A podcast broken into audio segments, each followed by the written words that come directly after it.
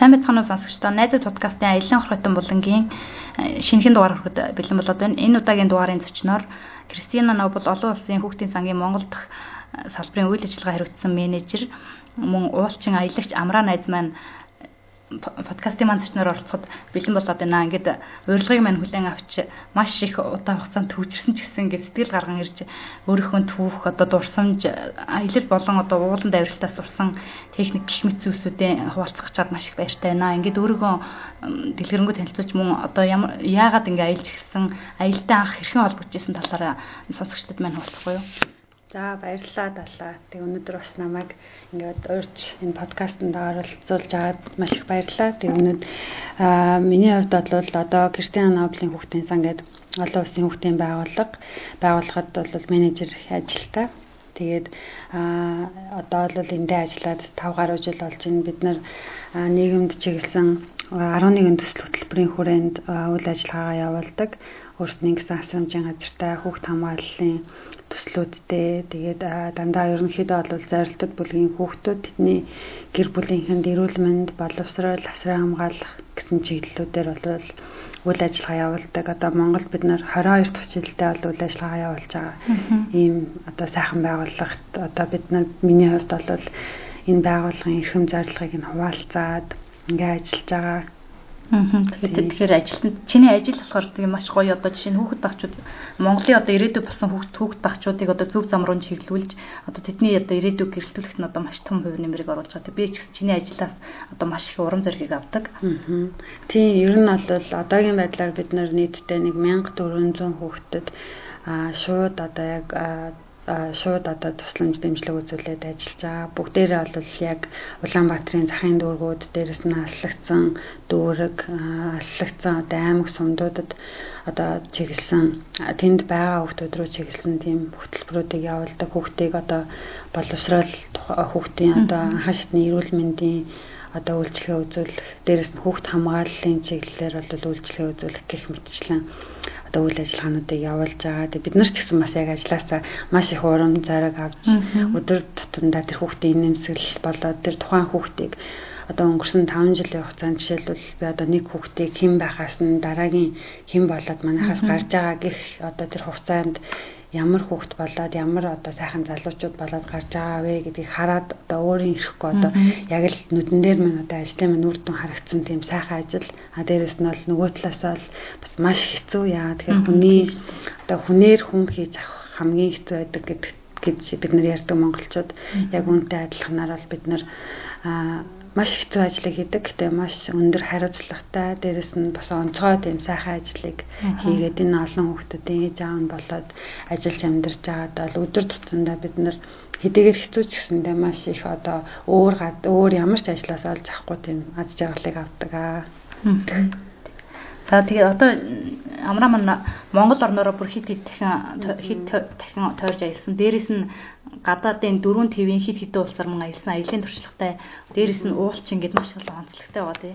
Яг энэ анх аялалтай хэрхэн холбогдож эхэлж байсан бэ? Би ч яг хаа нэг их одоо яг гадны орнуудаар бол мундаг аялдаг хүмүүсийн ажид бол аялаагүй. А гэхдээ бас нөгөө талаасаа яг одоо нэг их аялал хийж үзээгүй хүмүүсийн ажид бол маш шүү дээ. Ер нь болж байгаа тийм. Одоо жишээ нь 10 хэдэн жилийн өмнөөс би чамайг мэдэн. Тэгэхээр яг тэр үеэс чи бүр Монгол орны хитгэн тойроод ингээд дээрэс нь анх одоо 2007 онд Улаанбаатарт би ирж илаа. Тэгээд их сургуульд орох гээд их нэгдүгээр курстэй дархан би бол яг дархны ууган хөх тахгүй. Тэгээд дархнаас одоо Улаанбаатарт анх 2007 онд 2008 онд ерөнхийдөө бол нэг аялал Цэрэн төрс гээд одоо аяллаа компаниас бол ажлын гараагаа 18 настайхаас эхлээд л одоо ажлын гараагаа эхэлсэн. Энэ үедээ бол далаатайгаа бас танилцсан тийм ээ. Тэгээд 8 онд бол анх шалгалт өгөөд ерөнхийдөө бол Цэрэн төрст яг аяллаа өтчөөр ажиллах тэр боломж маань нэгдсэн. Энэ үед л яг жинхнээсээ одоо хорвоотой танилцах миний амьдралын бас хамгийн томоохон эхлэл дээрэс нь өнөөдрийн бийг бол одоо өнөөдрийн амар жаргал гэдэг хүнийг бий болгоход хамгийн одоо тийм чухал суур маань бол тэнд 2008 онд бол тухай тавигдсан юм шиг надад санагддаг байхгүй. Яагаад тэгэхээр аялал бол хүнийг айгүй хүмүүжүүлнэ, олон талаас нь олон зүйлийг сургана, дээрэс нь бас ганцхан одоо Монгол хүмүүстэйгээ юм уу эсвэл ганцхан гэр бүлийнхаа хүмүүстэй харилцахаас гадна би бол одоо дэлхийн маш олон орны хүмүүстэй 7 хоног, 10 хоног, 20 хоног, 25 хоног гэдэг ингээд тэмээ аялалд 24 хоног явж илаа анх удаас тий. Ингээд хэцүү хэцүү аяллуудад явж исэн. Гэтэ миний хувьд бол ажиллаа хийжсэн учраас тухайн үед бол яг тэр аяллаа аз жаргалтай, амттай сайхан зүйлийг олж хараагүй яа. Тэгэхээр өглөө босоод жуулчд маань сэтгэл хангалуун байх хэвээр өглөө босоод явах газараа аюулгүй хөрөх очих хэвээр. Дээрээс нь хүмүүсийн маань сэтгэл хангалуун байдал нөгөө очиод зарим нэг газараа үзүүлэхэд хүмүүсийн одоо хүлээлтэнд хүргэх гэдэл өдөр тутамдаа айгүй их одоо нэг санаа зовж явдаг.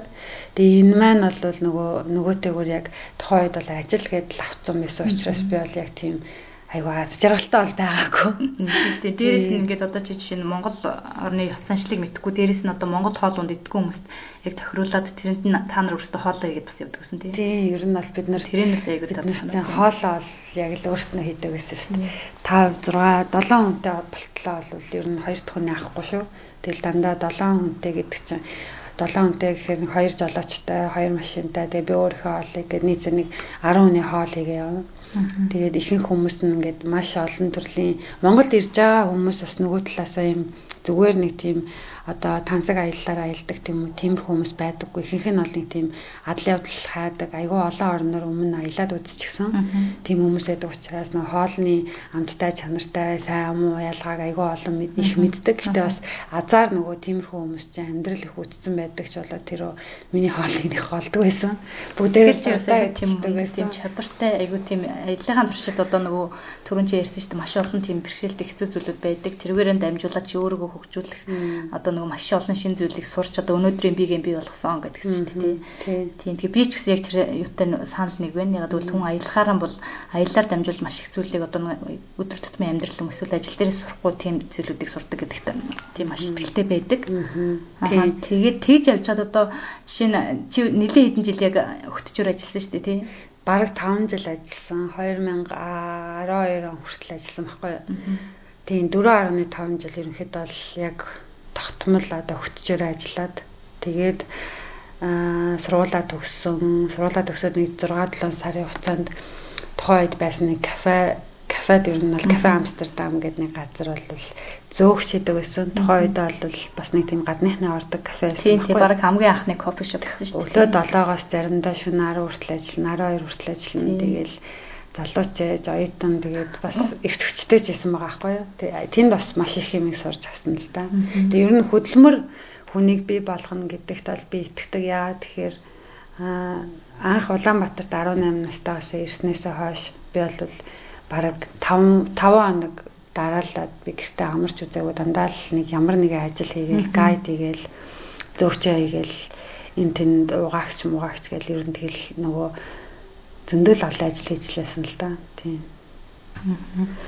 Аа тэгээд одоо яг тухайн үед одоо 4.5 жил гайд хийсэн гэдэг чинь тэнгуүтэ чи одоо тийм жуулчдад гайд хийх биш яг өөртөө цаг зав гаргаад аялж эхэлжсэн үе нэг хизээ би хаашаа хэлжсэн. Хамгийн анхных бол нөгөө Австрали руу явсан байхгүй юу? А тэнд бас тэгээд азтай бас би ингээ анх 10 10 онд 11 онд би нэг гадаад Австрали эмэгтэйтэй танилцсан байхгүй? Яг аяллаа аяллаараа дамжуулж тийм тийм юунд тахгүй юу баян үлгийгөөс нааша юу л онгоцон цугаад нааша ирж исэн.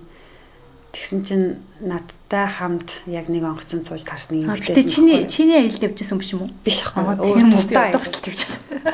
Эхлээд тустай аялалд явж байгаа. Гэтэ манай компаниар бол яг үйлчлүүлж исэн юм хэрэгтэй байхгүй юу? Аа тэгээд нөхөр бол намайг яг онгоцон танилцсан гэж өөрөө боддог гэсэн сахины хүртэл. Аа гэтэ яг ясан юм дээр бол би тэр хүн 10 10 сар болсон. Жохон туршлагатай гайдууд нь бүгдээ оюутан яваад төгсгөөцсөн. А намайг яг бүрдийн баяр дээр 10 сард ажиллаа хийгээ явжсэн чинь манай компаниас яриад энд нэг австрали эмэгтэй байгаа маа нилээн одоо хэл хамтай тэгээд нилээн юм нөгөө одоо outspoken буюу нилээн юм одоо олон хүүхдээ тэгээд айгүй хэцүү тийм хүн байгаад энэ одоо өсвөлөгчийг чи аваад хоошоогоо юу л явмаар байна. Таг руу явах хэрэгтэй байна гэдэг. Рүү. Өсгөл рүү. Тэгэхээр би аа за за гэд Тэгээ би одоо энэ одоо энэ аяллаа яхаг энэ хөгшин хоёр Италитай явж байсан. Тэгсэн чинь манай компаниас учраа олоод зүгээр наашаа ирнаа чи нэг хоёлаа хүн олоод өгчээ гэд. Тэгээ тухайн үед за юу гэж шилээ нэг юм хэлээд тэгээд өглөөний онгоцоор нь маргааш нь буцаад тэгээ яг онгоцондоо суусан чинь нөгөө австрал аваач яг надтай хамт байж байгаа байхгүй. Тэгээд танилцаад би цэрэн төрт ажилладаг төр ярьсан. Тэгээд манай компаниас болохоор бас надад тэгээдсэн байхгүй юу. Энэ айгу мундаг эмэгтэй байгаа. Тэгээд жин эмэгтэйтэй эхлээ танилцаад энэ аялалд нь явчих. Тэгээд хамгийн наандаж айгу сайн тип өгөн цаандаж над хүн ч айгу мундаг сайн хүн ч айгу их юм сурна гэд. Тэгэл би заа заа гэж явцсан. Тэгээд тухайн үед бол би яг чиний аялалд явах гэж байгаа маа намайг тэгээд буцааж байгаа гэж хэлээг байхгүй.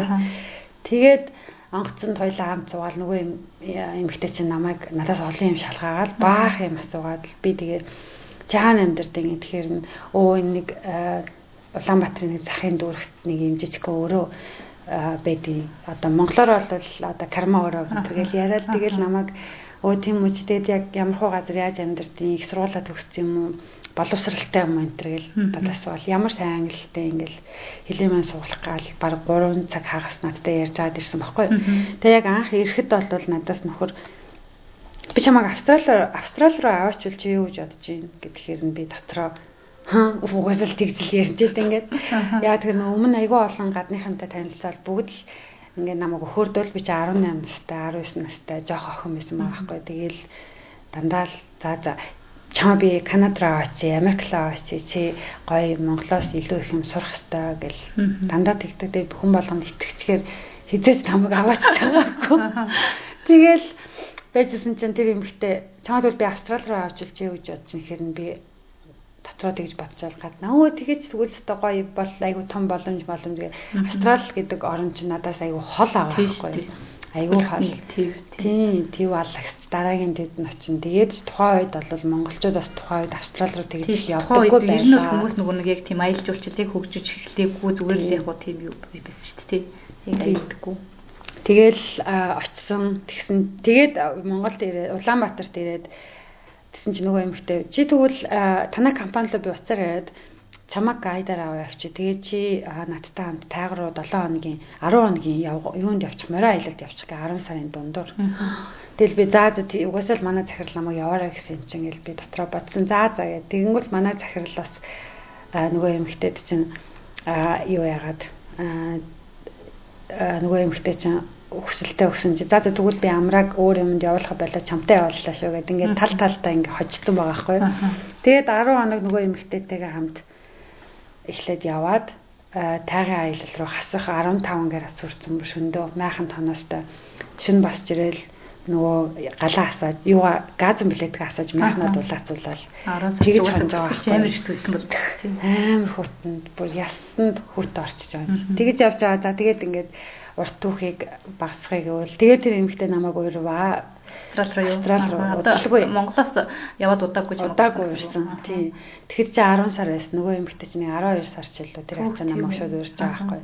Тэгээ бичиг баримтаа бүрдүүлээд өгсөн чи эхний визэн дээр намайг your high юу л одоо монголоор болох юм бол нөө flying risk буюу чи одоо айгүй юм жоохон 22-тай тэгээд ийм ямар ч санхүүгийн баталгаа чамд алга.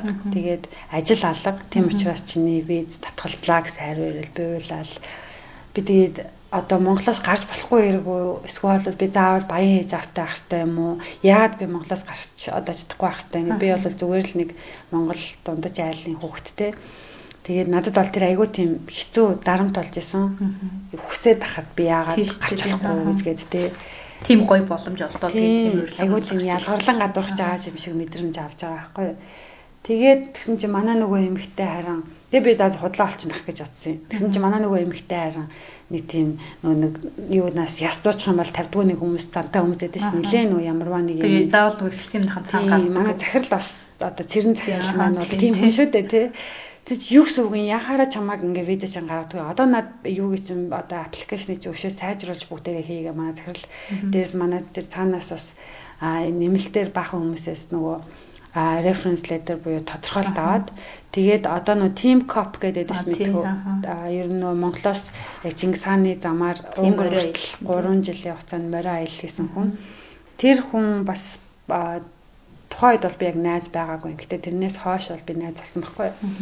Тэр хүнээс захаа энэ төр Австралид байдаг тэр хүнээс захаа аваад манай нөгөө намайг урьж байгаа хүн илүү хүчтэй захаа бичээд миний захааг манай захирал бичиж өгөөд 2 3 шинжэнгүй юм болоод тэгээ захирал өөрийнхөө тодорхойлтыг бичээд Тэгээд дараагийнхаа аппликейшнд орсон ч тэнцсэн. Тэгээд ерөнхийдөө бол Австрал тэнцэн гэж явах нөгөө виз нь гараад тэгээд анх Австрал руу дараа жил нь 10 сард явсан байхгүй юу.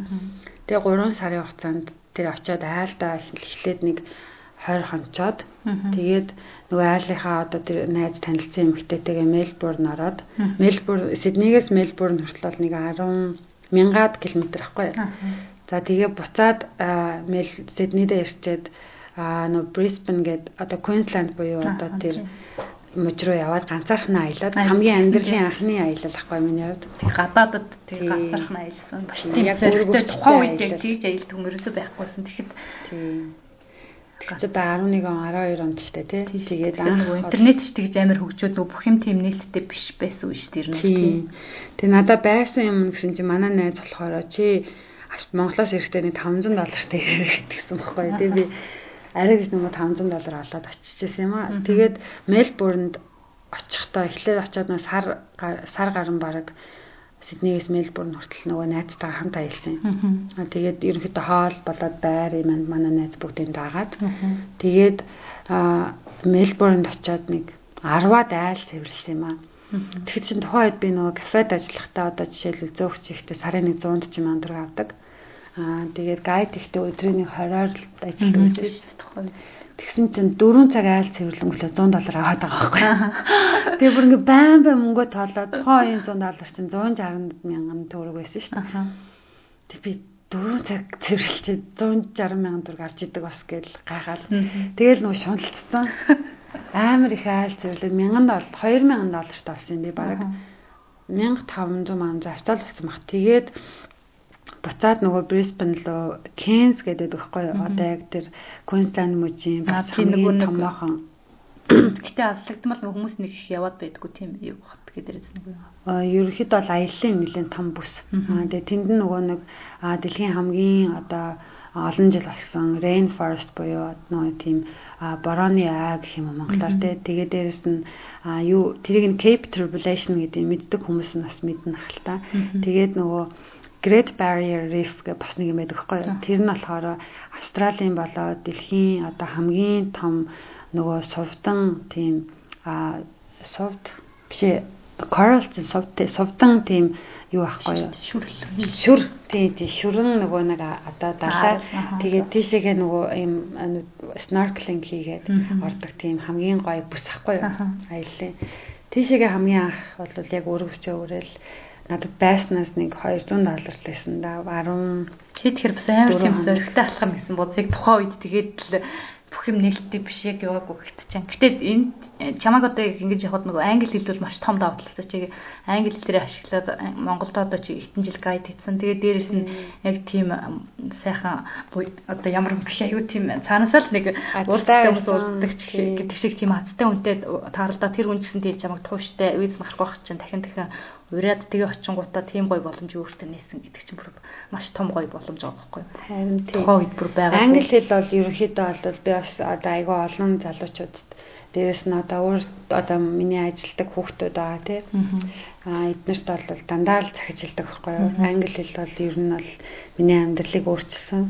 Би түрүүн хийсэн яг нөгөө миний өнөөдөр хэн байх нь бас магадгүй одоо нэг замаар яваад нэг амьдралыг нэг амьдралыг туулахаас гадна нөгөө одоо нөгөө нэг замыг айгуу тийм илүү юм өргөн.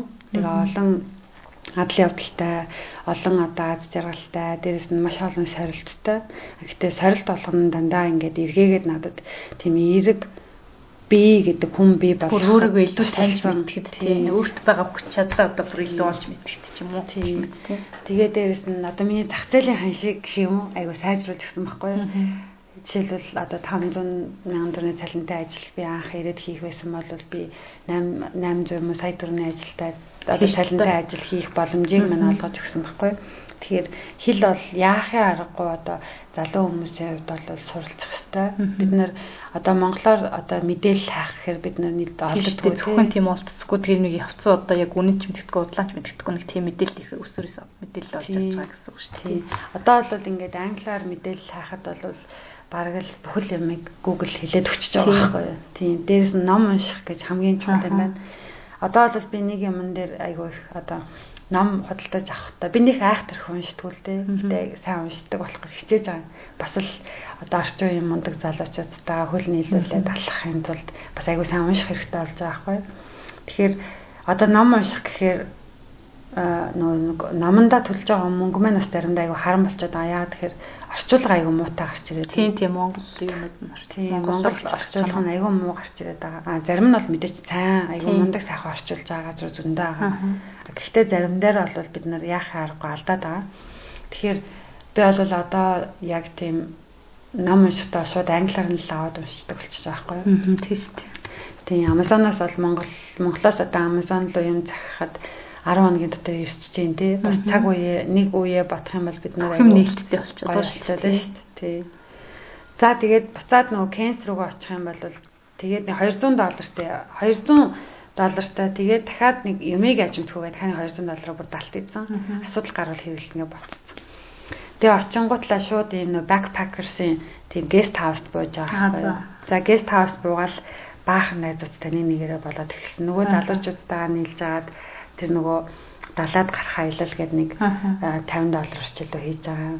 За дараагийнх нь аялал нь бол тэр нөгөө аам аамад руу тэр хамгийн хөгшин дэлхийн хамгийн хөгшин rainforest буюу тэр борооны тэр айл руу явах аяллаас хийж байгаа.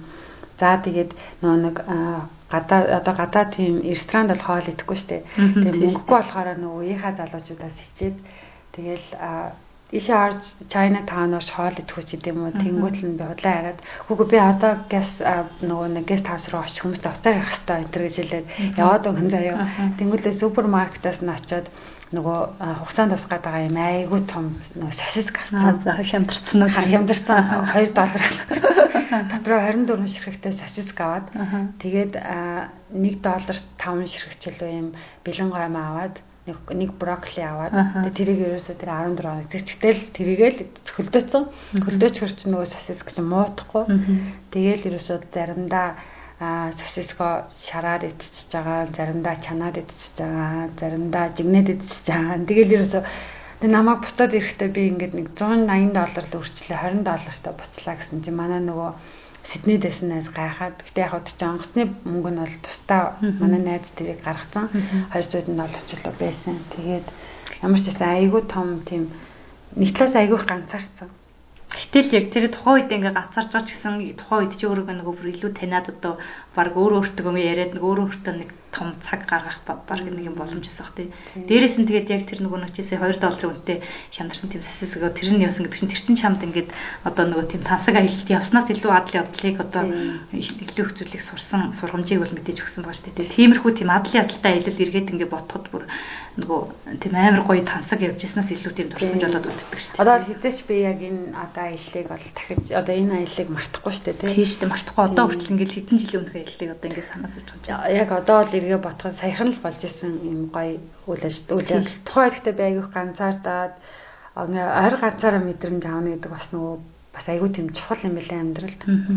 Яг тийм харваад дээр чи бүр ойр ганцаараа байгаа юм шиг мэдрэмж авах. А тэгэл нөгөө одоо хүмүүс бас ингэж ярьдаг шүү дээ готролд орох юм уу? Тийм ер нь сүүлийн үед одоо тийм юм байгаа. Зөв багхгүй юу? А яа тэгэхээр тэр готрлаасаа бид нар өөрснийгөө олж авдаг. Сэтгэл одоо сэтгэл байн таагүй байгаа нь одоо нэг 56 амьдрал гэдэг нэг ном байгаа. Тийм, томжиргүй амьдрах гэц сурлаг гэдэг. Тэр дээр ч гэсэн одоо жишээлбэл хүмүүс дандаа л одоо эрэг бай, эрэг бай, амьдрал бол сайхан нэг гол агуулсан тийм. Тэрний эсрэг байхгүй юу? Нөгөө талаасаа бид нар готарч болно шүү дээ. Нөгөө талаасаа бид нар амьдралыг бүгдээрээ муу гэж бас харж болж байгаа байхгүй юу? Гэхдээ аа тэр болгон ч өөрөө таныг хэн болох вэ гэдэг ирээдүйн би гэдэг зүйлийг чинь би болгоход л тэр готрол чинь бас нэг талаасаа хүн тохиолддог байгаа байхгүй юу. Тэр байгаа зүйлийг байгаагаар нь хүлээж аваад заавал эерэг болгоод авах шаардлага бас байхгүй гэдгийг бас ойлгосон л доо. Тэгээд аа нөгөө талаасаа бас ингээ хорвоо ямар том юм бэ л гэж бас бодсон. За тэгээ нэг хүн нөгөө ер нь ихэнх тийм аялсан хүмүүс нөгөө аялах тусмаа би бүр өөрийгөө хинч биш гэдгээ бүр илүү их мэдэрсэн гэдэг ер нь бол тэгж ярьдэн шүү дээ тий. Тэг тэр мэдрэмжийг авсан гэсэн үг юм байна тий. Ер нь бол хинч биш мэдрэмжийг өдөр болгон авах юм дөө. Ер нь бол тэгээд тийштэй айгу бид нар чи яг нөгөө өөрснийхөө тийм гоё аюулгүй орчноосоо гараа авчиж байгаа байхгүй гадлаа гараа явна гэдэг чинь одоо шүл шал өөр урд нь очиж үзээгүй бүр шинэ орчинд тэгээ ганцаараа явна гэдэг чинь бүр маш их тийм том зэрэг шаардсан. Тий. Тэгээ ер нь бол тухайд бол нөгөө үр дагаврын мэдлгүйгээр л явцсан. Гэтэ чи ямар тийм зөрөгтэй хүмүүс годоо тэгэл жишээ нөгөө зарим хүмүүс чинь ингээ явахаас өмнө төвчүүлч яана гिचүүлч яана гэж бүр нөгөө өөрөө өөртөө ингээ яг юуч болоогүй юмыг одоо сэтгэл дотор айц үсгээд ингээд алхам хийж чадахгүй байгаад байдаг шүү дээ. Тэг чи бол тэрнийг ингээ тооцоолоогүй. Гэхдээ тэрийгээ чи өөр ингээ яваад бүр даваад гарсан гэдэг чинь бүр өөрийгөө илүү их таньж мэдэх одоо бүр өөртөө магадгүй бүр илүү том боломжийг ийсэн. Тийм зүг алхамыг хийсэн юм шиг санагдчихлаа. Аялалд бол би ерөөсө тэгвэл яана, ингүүл яана гэж боддгоо байхгүй юу ерөөсөө аялал да амьдралд бол би айгүй их тийм бас заримдаа нэхвар хандчих гад идэв заримдаа хитрхээ деталь руу орчмоор одоо ажил дээр ч юм уу хувийн амьдралдаа ч ингээ бүх юмыг эмгэгтэй байх гад жоохон тийм OCD өвчнжтэй юм чам бүх юмуудыг эмгэгсэн байх гад ч юм уу тэр асуудлууд байдаг. Гэхдээ аялалд бол би ерөөсөө тийм дараах үр дагаврын бодлогоогоор гараа авчдаг Европ бас нэг удаа явж байсан Гэхдээ бас ганцаараа аялж байсан. Ганцаараа аялж байсан. Тийм би бол ер нь л ганцаараа аялж байсан дөө. Тэгэхээр аяллаа тэгээд ганцаараа өөр хүчтэй аялсан уу? Тийм ер нь ганцаараа аялах чинь бас айгүй тийм чухал. Тийм хинч бишээгээ би олж авах гээд байдаг хгүй дандаа. Ингээд бид нар чинь ингээ айгүйх бас одоо хүнэл юм хаана бас нэг жоохон жоохон эго гарганаа тийм шүү дээ. Тэгээ ер нь яг тийм жоохон жоохон онцгой өөрийгөө бас сайлчна тийм аяада. Тэгээ тэрийгээ бас ингээд бас нэг заримдаа нэг шалаар нэг болох мэдрэмж чи айгүй чухал ахгүй юу. Аа тийм шүү дээ. Тэрнийхээ дараа бас ахаад нэг өөр өнцгөөс өөрийгөө харж эхэлнэ тийм. Тэгээ миний хувьд бол яг эргээгээл нөгөө аялал гав ганцаараа аялаад явах маань бол тийм айгүй намайг буцаагаад чи хинж биш юм шүү гэдгийг мань дандаа таниулж өгдөг болохоор би ганцаараа аялах айгүй дуртай. Европ руу би нэг сар гарan ганцаараа явсан. Тэгээ бас л одоо Францад шүн ингээ бууж байгаа байхгүй 12 цаг үед. А тэнгүүтлээ нэг а интернеттэй сим карт авах гэсэн чинь 80 евроч гэдлөө 60 биткойн 60 евроч гэлээ айгүй үнэтэй санагдаад харна. Яхаараа би хаасан Амстердамаас юу хүртэл Парис хүртэл богоон цогтой 50 евро төлж сим карт 60 евроор отлож авд юм. Шууд нөгөө Wi-Fi-аас баахан нөгөө Google Map-аас нөгөө очих газраа юунаас буугаад галт тэрнээс буугаад манай буудал хаана гэдэг тийм одоо яг нэг хаягаа олж аваад баахан стритүүдийнх нь гудамжнуудынх нь нэрийг нь хуулж аваад тэгэд ингээд скриншот хийгээ явж байгаа байхгүй юу. Тэгээ миний хувьд бол Франц орн бол ингээд Парис хот ялангуяа тийм үлгэрийн нөгөө нэг хүүхдтэй ах юм маань цагаан морьтой ханхуугийн орн байлаа.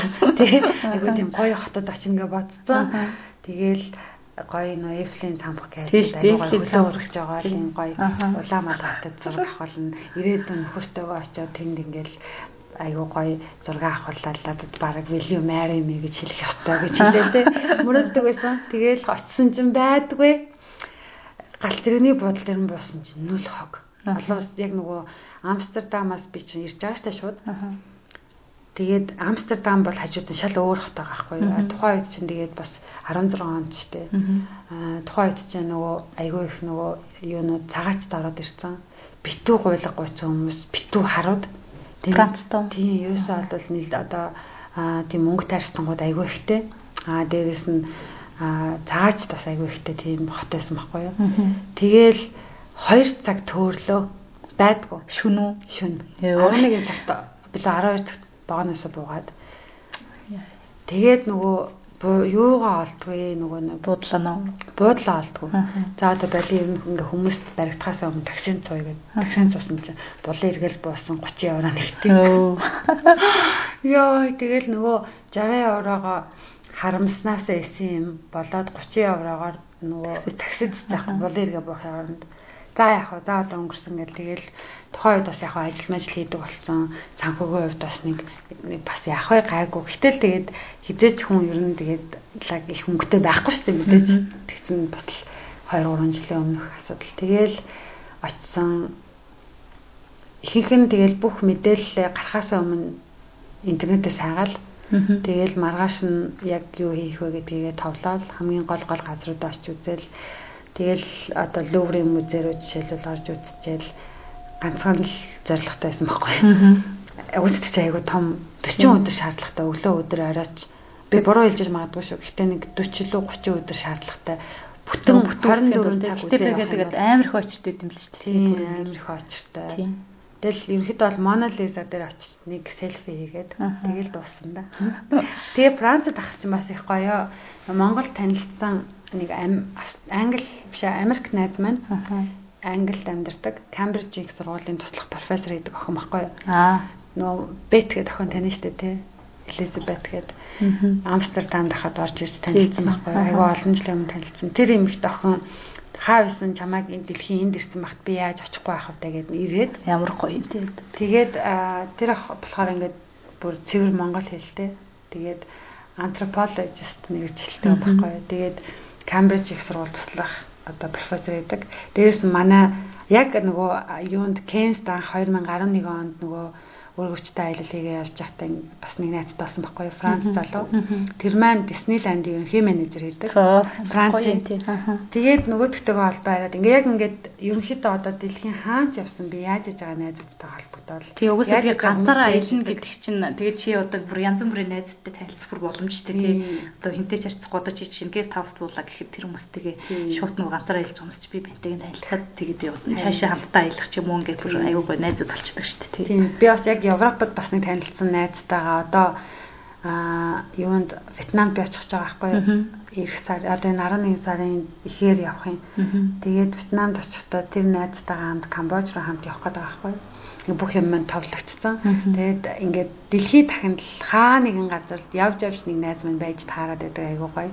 Тэгээд тэр Францад байсан найз маань намайг гэртээ хануулад бит хоёрыг хамт манай нөгөө англи найз хоёрыг гэртээ онуулаад маргааш нь дагуулж явж Диснейланд тоглуулад чинь 80 евро илүү 120 евро ч илүү орохдоо тийм мөнгө төлдөө штэ. Тэгээд дээрэс нь Диснейландд очиргүй орно гэдэг бол хүүхд толгоны мөрөөдөл. Дээрэс нь би бас л нэг одоо хүүхд тахта үзэх юмсан гэж мөрөөдөж явж байсан тийм бакет листэ бас биелүүлсэн байхгүй юу. Тэгээд маанаас нааг бас тэр Диснейландын аягүй алдартай тийм гой буудал модал даруулаад үзүүлж яриалаа, хоолнд оруулаад тийм дээ. Ингээд нэг бас нөгөө танилтай хүн талын жинэ гэдэг тий. Тийм бас гоё мэдрэмж авсан. За тэгээд аа тэгээд Бэлэг ороод Францын бас айгүй гоё гоё жижиг хотуудаараа илсэн найзуудтайгаа уулзах гад Франц юу Австралид байхад бас манай нэг найз одоо намайг урьсан найз юм нэг найз эмэгтэй байдаг хятад эмэгтэй Полли гэдэг тэр эмэгтэй бас Францын өмнөд хэсэгт амьдардаг. Тэгээ намайг гэртээ ураад би бас тийшээ очиж тэр найзандаа нэг хит оноо. Тэгээ Амстердамд яг нөгөө аяллаар явж байхдаа танилцсан нэг найзтайгаа Монголд нөгөө 2008 онд би гайд хийдэг байхад нэг эмэгтэйд танилцсан байхгүй. Тэр эмэгтэй дээрээ гэрт нь очиж бас нэг 10 онс чиний аялалдаг бүр адал ядалтай гоё дандаа тийм таарлцсан нөгөө ер нь одоо тэгээ дээрэс нь үг гэдэг чинь тэгээ нөгөө одоо ийш тийшээ явхад муугасаа илүү сайн хүн ер нь хаач байдаг гэдэг тэр үг бүр яг тийм батлагдсан айгүй гоё төвхөлттэй өстой гоё дурсамжтай аялалдаг гэсэн юм тий. Одоо тэгээд амраа мань үн энэ аяллуудаас гадна бас ууланд авирдаг байгаа шүү дээ тий. Анх яг хизэнээс гэлж ууланд авирсан. Одоо чи жишээ нь одоо Европ ТV ноён өргөл Эльбрус дээрээс нь тэгээд Австрал ТV бас ноён өргөлд авирсан байгаа тий. Тэгээ Монголынхоо одоо нөгөө хүйтний өргөл, малчин өргөл гэх мэт ууланд бас авирсан байгаа шүү дээ. Энэ ууланд авирах гэдэг чинь бас яг тийм нөгөө мэрэгжлийн бүр уулчин бүр бүх цаг цагаан зориулаад тийм ууланд уулчин хүний яг тийм зориг гаргаад хийхээс илүү одоо зүгээр ингэ сонирхлоор явж байгаа бол бүр маш тийм хүнд хэцүү бэрхшээлтэй зүйл байгаа шүү дээ. Энэ талаараа сонсогчдод маань болцлоо. Тийм сүүлийн үед бас нэг тийм гоё хоббит болсон. Яг нөгөө нэг гайд хийдэг хотоо бол ингээл 5 6 хоногийн явгаа аялалд бол айгүй их явдаг гэсэн байхгүй. Тэг би бол хүүхдтэй хасаа эхлээд одоо манай ангийнхан бол намайг таниул мэдэндээ би нөгөө эмнэлгийн бичгтээ биеийн тамирт ордгоо хүүхдээсэн байхгүй. Ихэнхдээ бол яа биеийн тамирт ордгоо юм гэхээр ингээ хөдөлж мэдлэхөөс дургу уурдаг, залхуурдаг. Дээжигээ нааж байгаа дандаа бичих болчдаг. Хүүхдээлээ. Тэгээд бин тамир сүүлийн 2 цаг байсан учраас бас бин тамирт орохгүй байхаар эртгэн гэртээ арчдаг ч юм уу те гоё байсан. Насаараа бин тамирт орж үзээгөө биеийн тамир гэдэг юм бас дургу байсан хөх тахгүй. Тэгээ гайд авахтаа бас нэлээ их явгаа аялалд яваад тэгээд морин аялалд яваад ерөнхийдөө бол миний одоо нэг юмыг харах өнцөг аяга өөрчлөгдсөн. Аа тэгээд надлангийн аялал бол хамгийн анх би надлан сонирхогчийн төвшөнд одоо манай Монгол Монголын одоо хамгийн анхны 7 ТV-ийн 80 хариглыг эзэлсэн уулзсан Гангаамаа гэж эмэгтэй байгаа тийм. Тийм энэ эмэгтэй энэ эмэгтэй надлан надл энэ эмэгтэй яг надлангийн нөгөө хүйтний авирлын авирлтын аялалд нь би бас нөгөө Австралид байгаа тэр найз маань тэр аяллыг гадаадынхантай хамт бүгэлсэн байсан байхгүй. Тэгээ намайг чи явах уу гэд. Тэгэхээр би а ёо юу юу гэж би тийм сонио өндөр уул молроо авчиад юм. Надаас тийм амбиц заахгүй штэ.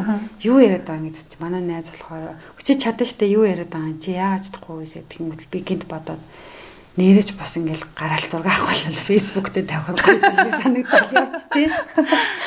Тэгэл тэгвэл чи анх проект тийм зорж гараагүй одоо найзынхаа явъя гэсэн өсөлтөн дээр л өсөлж ирнэ бол явсан юм шүү дээ тий. Хүйтний оргил руу. Тэгээ бас малчны оргилд яг хамт тэр тухайн үед гарсан гэсэн. Тийм тухайн үед гарсан. Тэгээд тэгээ бодоод тэгээд бас үнийн асуусан чи яг Монгол хүндээ юм чаа гэд нөгөө компанийн захирал ах нь хамаагүй хямдхан өгсөн байхгүй надаа.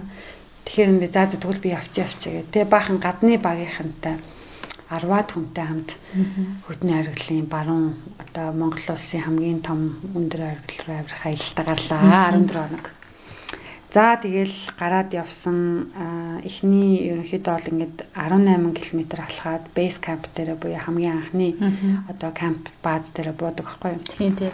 Тийм тийм. Тэндээ нэг 2 он чоод ерөнхийдөө бол бас нэг өндөртөөгөө тасах хэвээр хүмүүс агиох өндрийн өвчин авдаг гэл ерөөсө бүх миний амьдралдаа мэдхгүй тийм олон юмнууд тэнд ингээд надад тохиолдож байгаа байхгүй хамгийн наазах нь одоо нөгөө уулын хадаасаа яаж ууглах вэ те дээрэс нь би одоо нэг дээхэн үед авч ирсэн нэг аюу сайн чанарын уулын гутал те тухайн үед бараг 400 долларын гутлахгүй байдаг чинь тэг хэдэн жил ч өмсөөгүй энэ богдуул руу гарахтаа л өмсдیں۔ Тэрийгэ барайл одоо энэ бол айгу супер гутлын чи нэг болоо гэж бариад очихгүй юу? Тэгсэн чи гангаамагч харчаа чи энийг өмсгөж байгаа юм шээстэй амраа минь гэ Тэгэж энэ миний хамгийн сайн гутал гэдсэн чи юу ярьж байгаа юм бэ? Чи одоо ийм гуталтай юу гэж гарч ирсэн чи гараад хөлдөд өгч ш тэгэхээр юм би. За одоо би гуталгүй яана гэсэн чи одоо гуталгүй яана гэ Тэгээд замд таарсан нэг ихтэй баян үлгийн нэг казак залуу байсан. Миний таньдагаа бас нэг гайд хийж яваа танилцсан залуу. Намхандуу 41 айснаар өмсдөг нөгөө залуугийнхаа гутлыг гуйж аваад бид нар замаа. Тэгээ намраад гутлаа өмсүүлж гин ингээ гутлгаа байгаа юм байна. Тэгээ гутлыг аваад явж байгаа шүү дээ шигээ. За тэгээд эхний эхний одоо аялал бол юу л бол гарсан юм. Малчны аргал руу гарсан байхгүй. Нийтдээ нэг 8 9 цагийн одоо амралт хийлээд аха. Тэгээ эхний хэсэг дээр бол ерөөсөө юм одоо айгүйх чулуутай. Тэгээд чулуун ингээл гişгэнгүүт л дошоо нуурж ирээл гişгээл нураал гişгээл нураал ингээл бараг 4 5 цаг тийм авиралт хийж байгаа байхгүй дэшээ ихц малчны оргилч 4040 эдэн метр далайн төвшнөөстэй ш. Тэгээд айгүй хэцүү байсан. Тэг би яана би ч одоо ингэж ийм засгүй уулан дээр авирахтаа ийм хэцүү байгаа юм чинь. Би дараагийнхаа нөгөө хүйтний оргил руу авирахтаа одоо яана гэж бодвол тэгэл би яах ч би энэ дэр вэ гэж айгүй даарад амар их даарад юм билээ За 9 сар 10 сар хуулах 10 сар болчихсон 9 сарын төв баяуулгыг том хөгжив амар хүйтэн 100 ч гэсэн 9 сарын 15 даар байсан байхгүй юу? Бүр амар daarаал тэгээл дэшээ авирах авираад явж байхдаа би яагаад энд ирсэн юм болоо гэл. Аюул шаналал гэтээ яг тиймэрхүү аяллаа хамгийн одоо явган аялал болоод ууланд авирах гэдэг юм чинь бас хүний төвчээрийн хязгаарыг аягүй сайн мэдрүүлж өгд юм лээ яа тэгэхээр бид нарт төвчээрийн хязгаар гэж байдаг байхгүй юу? Хязгаар гэж байхгүй бидний төвчээрт. А дээрэс нь нэг human capacity буюу хүний хүчин чадал гэдэг юм маань өөрөө бол айгүй тийм хязгааргүй бид нар ямарваа нэгэн зүйлийг хийхийг хичээгээд яг тэрний одоо тэр хүртэл би маш их одоо санхүүгээ зарцсан аялалдаа явахын тулд. А дээрэс нь нэмэлт хэрэгслүүд авахын тулд би айгүй их мөнгө зарцсан. Дээрэс нь баахан хүмүүсээс би одоо хувц хуныг одоо зээлтсэн аюу олон зээлдэж гарч ирж байгаа байхгүй. Тэгэхгүй бол би тэр чинь хөдөлгөж авах чадахгүй шүү дээ. Өндрүүлэн дээрх тийм хэрэглэл гэдэг. Нүм гудсан гэсэн чинь 400 доллар заяа. Тэгээд хасах 40 градусын хөнжлөн гэсэн чинь 1000 мянган долларын байгаа байхгүй. Тэгээ би найзаасаа зээлдээд аваа гарсан. Тэгээд тэгээ ерөнхийдөө бол нөгөө нэг тийм ямар мэдрэмж өгдөг вэ гэхээр хүн ерөнхийдөө бас тэр ямарваа нэгэн зүйл дээр өөрийнхөө төвчээрийг үзэх дээрэс нь байгаль гэдэг маань өөрөө ямар агуу юм бэ? Байгалийн хүчийг бид нар яагаад ч хүн ямар жижиг юм бэ гэдгийг бас аягүй сайн мэдэрдэг юм бэл. Тэгээд ямар ч хэсэг амжилттай гарсан малчтай харгал дээр а нэг хэсэг бараг нэг 30-аад метр газар нь бол нэлээд одоо том хад асахтай ярина дээрэс нь битүү мөстэй мөнх цас тэгээд дээрэс нь айгүй их мөстэй цастай тэр хэцүү хэсгийн давж гарсан засан шуурган донд айгүй хэцүү байсан. Тэгэл хацар мацар түлэгдсэн ерөөсөө л би бүр яа би яагаад тийш гарсан юм болоо гэж бодсон. Гэтэ яг яагаад яагаад гэж бодож явсны эцэст яг орой дээр гарах мэдрэмж бол Тэгэхээр чи өөрийгөө ялаад урд нь тийм 4000 метрийн өндөр ууланд авирч байгаагүй гэхэд тэр чинь маш мундаг. Одоо чи би одоо ингээд ер нь бол ямар нэгэн зүйл хийж чадах юм байна, чадамжтай байна гэдгийг тэр ойлгосон чи бүр маш том тийм зөвлөгөөд өөртөө итгэх итгэлийг бас айгүй болтой юм шиг лээ. Тийм надад бол тэгээд нөх хүн бусдыг ялгаасаа илүүтэйгээр өөрийгөө ялгах айгүй чухал гэдгийг бас ойлгуулсан л та. Тэгээд тэгээд бас тэндээс одоо буугаад авах гэж бүр 80 болсон бас. Ингээл ерөөсө хамаагүй л гişиг юм бол тэр нөх хайргнууд нэг урсаад урсаад урсаад урсаад тэр хөл автах. Бараг ингээл нэг 60 градусын ч юм уу тий ийм налуугаас доошо бууж байгаа штэ малчны оргилж. Хөл алдаад унуул нэг л эвгүй гიშгүүл унахаар дээрс нь таягтай явсан ирнэ таяг маань тогтож өгөхгүй айгүй хэцүү байсан байхгүй. За тэгээд хүйтний юуны малчны оргил явах тэгсэн гисийгээд хэцүү дууссан. Гэтэ хизээж бид нар уулыг бас басч олдгоо гэлээ тэр уулын хүмүүсийн яриан донд. Тэгээ манай нөгөө бас нэг гавьят уулчин малчны оргилд айгүй олон жил авирсан нэрийг мартчихж уучлаарай. Тэг бол доктор гэдэг нь малчны оргилд. Тэгээд насарсан шин. Охинтойгоо явж байгаа. Тэгээд охинтойгоо явж байгаад өөрөө хэд удаагийн дээр үлээ гарч байгаа. Тэгээд тасар цумлан гэлээ. Тийм юм болсон гэдэг юм лээ. Тэр мэрийг сонсоод ингээд бас би яарцганаал явсан л да. За тэгээд дараагийн хамгийн том сорилт буюу одоо чаленж маань юу байсан бэ гэхээр хөртний аргил руу авирах байсан. Тэр бол маш хэцүү. Тэгээд яг тэр үедээ одоо малчны ориглосоо буугаад яг тухайн үедээ авирсан гэсэн үг үү? Малчны ориглосоо буугаад а буцаад нөгөө base camp гэдэг хамгийн анхныхаа баар дээр бууж байгаа гэсэн үг шүү дээ. Тийм. Тэрнээс жоохон нэлээд хүйтний аргил руу нь л доо. Аа тэгээд тэгээд тэндээ хончоод маргааш өглөө нь бид нар өглөө далаагаа гарч байгаа байхгүй юу. Тэгээд мөсөн гал гатлна гэж байгаа. Тэр мөсөн гал. Таны мөсөн гал гатлна гэдэг. Тэгэл надад бол мөс шиг харагдахгүй битээ засал харагдаад байгаа байхгүй. Тэр чинь том том ангалтай. Тийм тийм тийм. Би одоо алхаад алхаад гарчхаа. Гэхдээ яг ясман дээр нөгөө мөсөн гал гатлахаар чинь бид нар нөгөө яг техникийн алхалтууд хийгээд эхэлнэ. Айгу аюулгүй ажиллагаа айгу чухал. Гэтэл ерөөсөө л мөсөн гол дээр гарч ирээл нүүр нүдгүй шараа шурц. Хоол идэхийн зайг нүүр нүдгүй шараа шурц. Тэгээ ерөөсөө ингээд өөрснөө баг нөгөө салхиндаа ингээд хийсэд унчих гад олон орцсон явж байгаа штеп. Тэгээ гангаамаа хичээр ингээд одоо ахлуулсан баг явж байгаа 10 хэдүүлээ Тэгээд нөгөө ABC буюу Advanced Base Camp гэд яг нөгөө маргааш өглөө нь авиралт хийхдээ бэлэн болсон. Уулынхаа хамгийн ойрхон тийм одоо бааз дээр буух хэрэгтэй байхгүй юу? Эхний base camp-аас алхаад гэтэл бид нар тэр тухайн өдөр 10 цаг бараг 8 цаг чөлөө алхаад арай удаан байна. 6 цаг чөлөө алхсан юм 6 7 8 цаг чөлөө алхаад тэр нөгөө advanced base camp гэдэг тэр өндрийн камп дээр бууж чадаагүй байхгүй юу? Нилээ наанд бацыг хүтний хариулаасаа. Яагаад тэгэхээр засаа шуураад ерөөсө болох ойлоод тэгэл тэр засан шуурганд чинь засаа ингэж нөгөө нэг одоо овоолж аваад 0 мала хийгээл бараг би биний хайжууд бидсаа тийм тэр нөгөө даарж марж байгаа чинь тэр тоох болчих жаа. Тэгэл хасах 14 градус 15 градус 16 градус гэл яваад байгаа байхгүй хасахтаа дандаа. Тэгэл тийм хүйтэн тоноол өглөө гараад хамаг юма баглал тэгэл нэг өөрсөндөө бичэн бичэн шоколад буклаад байл гарч байгаа байхгүй. За өнөөдөр өндрөө авалт өнөөдөр шууд авирна гэл тэгэл алхсан.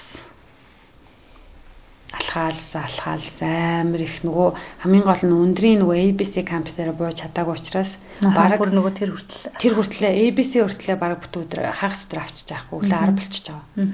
11 жилөө болчихж байгаа. Тэндээсээ эхлээд дахиад авиралтаа хийгээ эхэлсэн. Тэгээд өндөр юуны хүүтний аргалч ерөнхийдөө 4370 4 4 чи надаас илүү мэдэж байна. 4374 тэгтэл бид нар 4950 ав дээр 3950 дээр ирээд буцсан. Аа. Ер нь бол би аргалтай чадаагүй шүү дээ. Тийм. Ерөөсөө одоо тэр нэг тийм хад байд юм байл л дээ. Хаднаас жоохон дэшег авираад буцсан. Яа тэгэхээр нөгөө цаг агаар муудаад биднэрт ганцхан тийм одоо тэдний хэллэгээр бол цонхтой өдөр гэдэг одоо тийм айтах өдөр таарлсан тэр өдөр байсан байхгүй юу. Тэгээд шууд буцаал буцах хэрэгтэй бидний хувьд амь нас чухлаа гэд дэлхийн 7 ноён арилыг одоо ижилслээ туршлагатай хүн биднэрт хэлэхэд бид нар буцахгүй байхын одоо тийм шалтгаан байхгүй шүү дээ. За одоо бүгдээрээ 3900 м дээр ирсэн байна. Одоо буцахгүй бол одоо удахгүй нааш ингээд улам харанхууд алхах болно. Тэгэд зарим нэг бас манай багийн гişүүд нэмгэн гутлын энтертэй ярьсан. Тэрнтэйгээ бүр хөлдөхгөө төлнө. Чи хурам мурам тасарчдаг. Тийш тий бүр 9 сар хөвтэй байсан. Тэгэл бус айгуу сэтгэл дундуур буусан. Гэхдээ миний хувьд бол нэг тийм яг хөө тэрэнд бол мундаг аялагчд зөндөө байсан, мундаг авирагчд зөндөө байсан, жоохон жоохон шаналсан хүмүүс зөндөө байсан баг. Миний хувьд бол надад би 4000 бараг 37-оор авирсан малчин лөө. Аа тэгээ Монгол улсынхаа хамгийн өндөр аргал руу хамгийн анх удаага авирахтаа 400 м-ийн хаанд буцах эсвэл амьдралаа тэнд барьцаанд үлдээх гэдэг энэ хоёрын хооронд бол надад өөртөө бол би айгүй том амжилт хийсэн байхгүй юу. Өөрийнхөө одоо хизээж хийж чадахгүй хаа гэж бодож исэн зүйлийгээ хийгээд би өөрийгөө одоо айгүй том урамшуулад дараа дараагийнхаа одоо айгүй том том замыг тавьж өгсөн гэж боддог байхгүй юу. Тэгэл тэрнээс хойш бол би зүгээр л нөгөө ер нь уулын дайрах ямар гоё юм хоосон гэдэг нэг мэдрэх ямар гоё юм байгалийн хүч ямар мундаг юм. Тэгээд өөрөө өөрийгөө бас эргээгээд хараад өөртөөгөө ярилцаад алхах чинь бас айгүй гоё бодох айгүй гоё тий Тэгээд гангаамагчийн хувьд нөгөө Орсын ноён оргиллыг ноён оргил биш Европ ТV ноён оргил буюу Эльбрус гэдэг 5642 м ахгүй юу. Тэгээд тэр аялал маань зарлагдсан явдлахоо.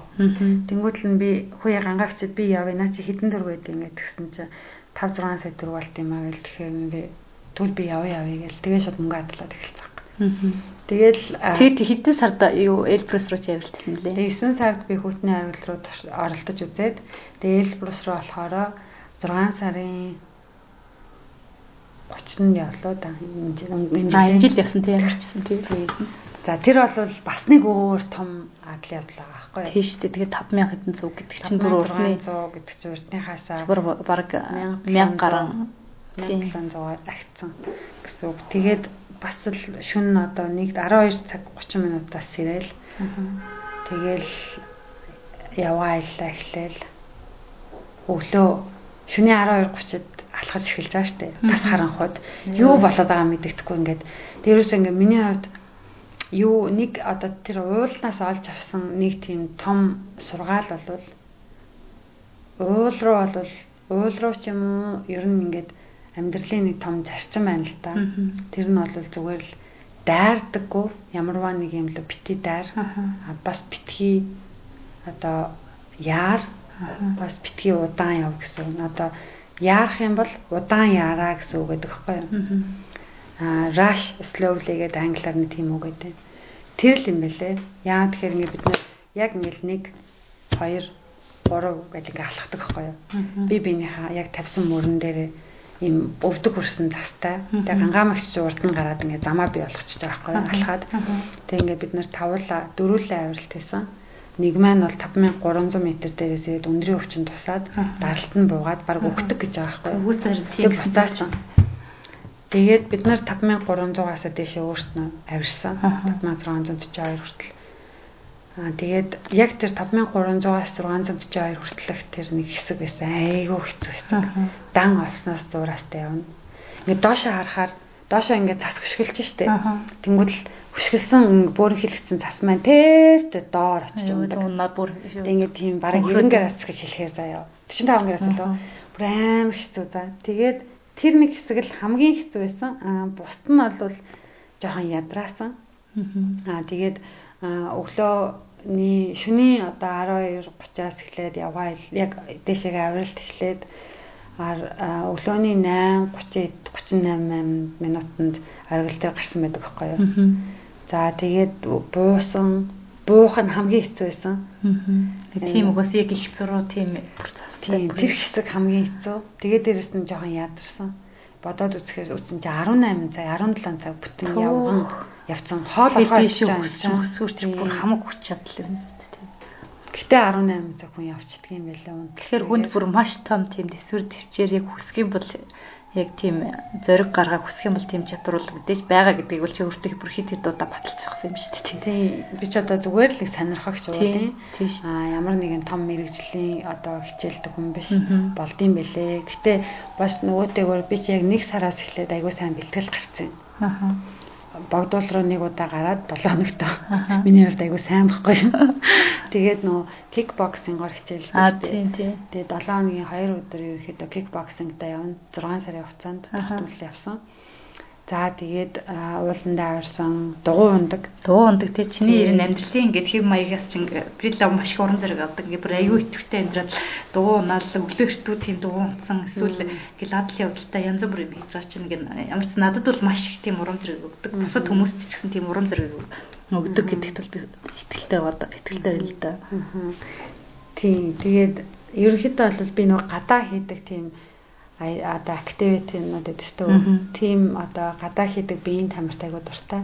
Зум мөн бол гүүх дуртай. Аа тэгээд манай гэр нэг стадионы хажуудад учраас гүйчдэг өглөөгөр.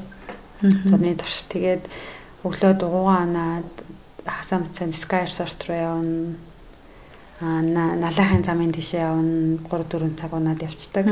Тэгээд өвөл болохоор би ерөөхдөө одоо нэг тийм ямарваа нэг юмд хүн бас тууштай байх айгүй чухал л да. Тийм тэр нь тууштай байх чинь хамгийн чухал юм бол.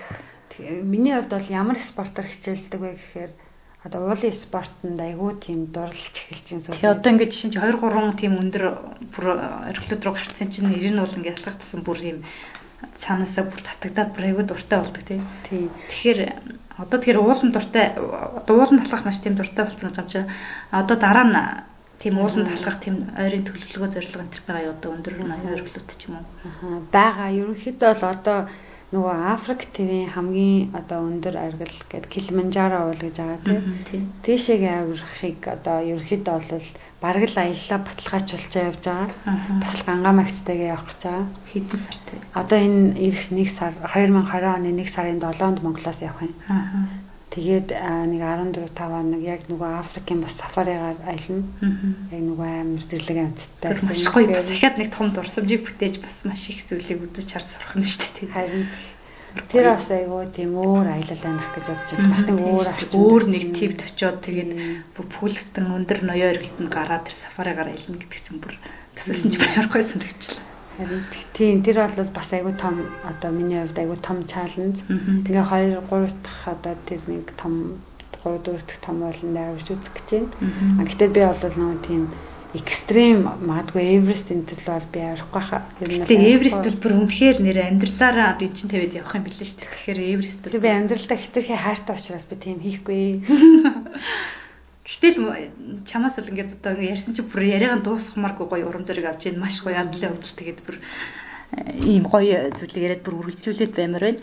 Гэвч одоо цаг маань нэлээд явсан байгаа тул яг одоо ингээд одоо нөгөө 10 жилийн өмнө сэглэг гай тэгээд дээрэс нь өөр ганцаараа гадны улсуудаар аялаад дараа нь ингээ ууланд авиралт хийгээд яг эндээс ингээ базаад хэлэх юм бол чиний амьдралдаа одоо ингээ өдөр тутамдаа бүр хамгийн бүр ингээ сурч хамгийн сайн сурсан одоо хамгийн сайн ухааруулсан зүйл чинь одоо яг юу вэ? Хоёр айгу том чухал зүйл байгаа. Өнгөрсөн одоо жилүүдээс авсан тэр хоёр гурван том чухал зүйл байгаа. Нэгдүгээр нь бол ямарваа нэгэн зүйлд хүн айгуу тийм тууштай хөдөлмөрлөх ёстой.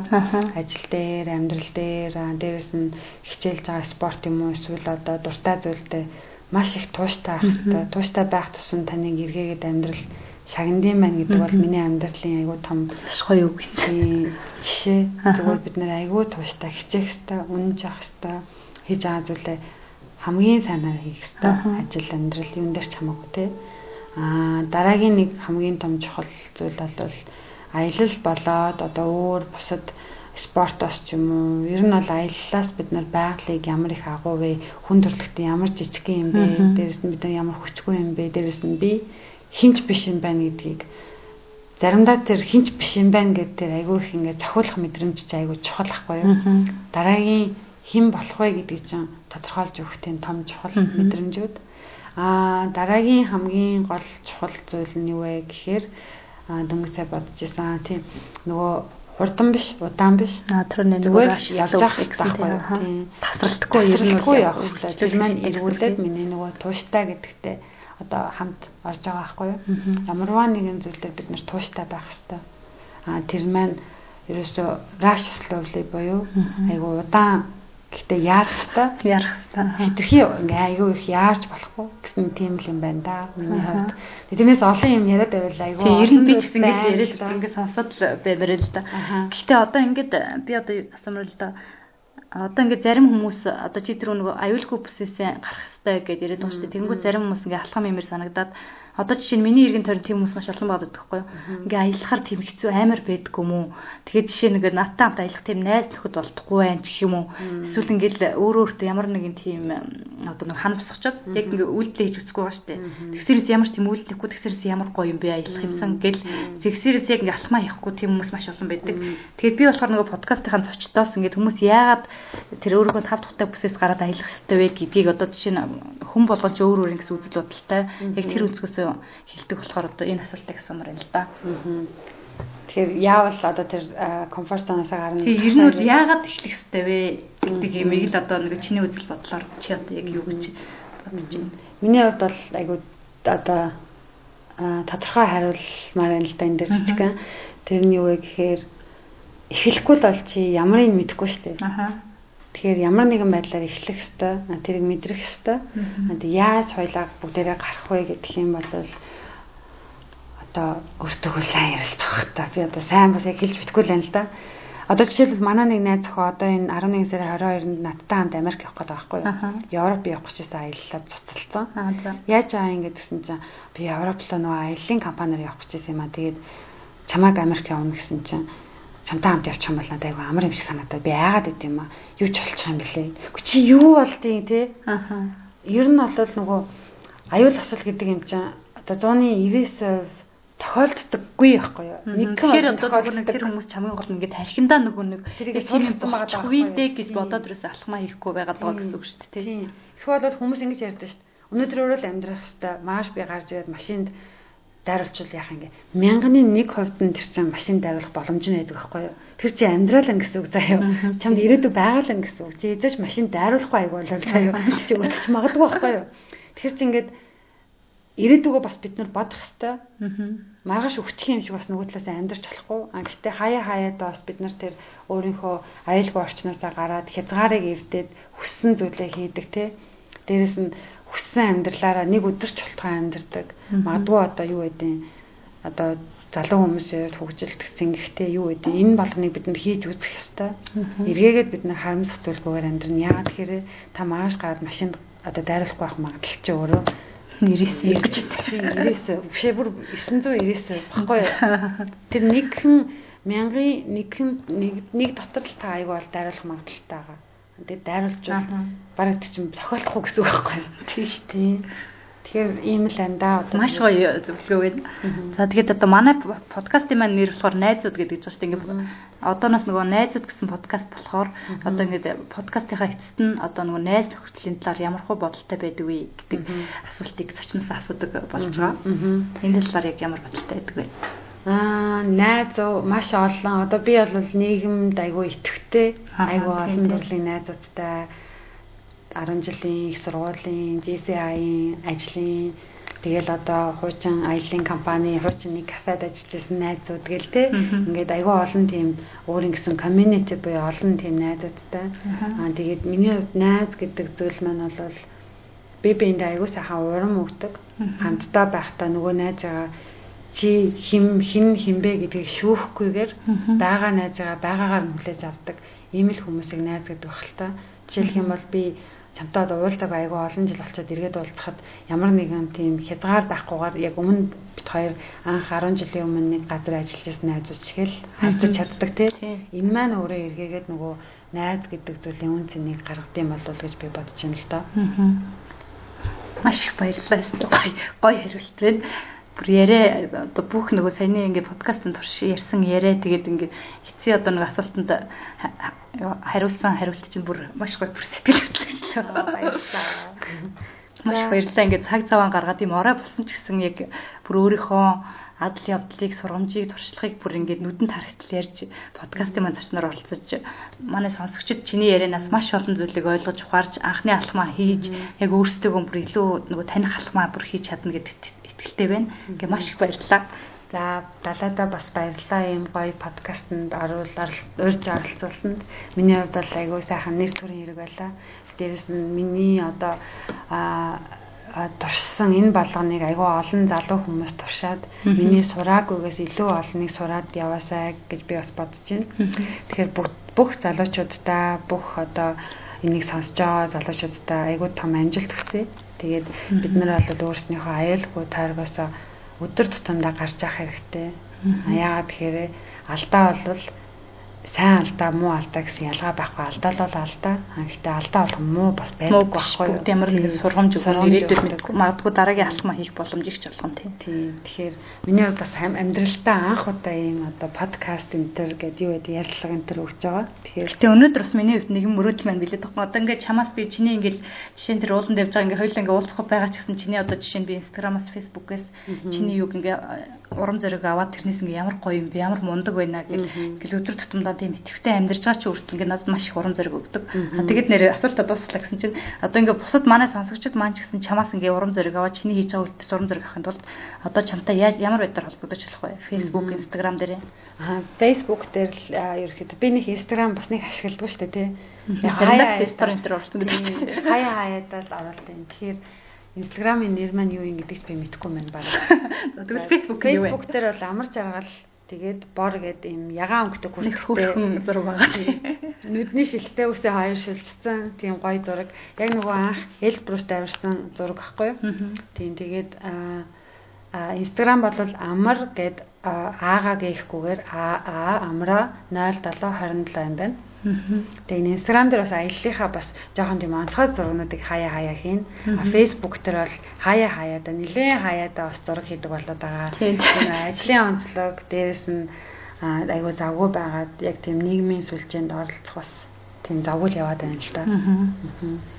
За ингээ маш их баярлалаа. Баярлалаа. Өрсөнд.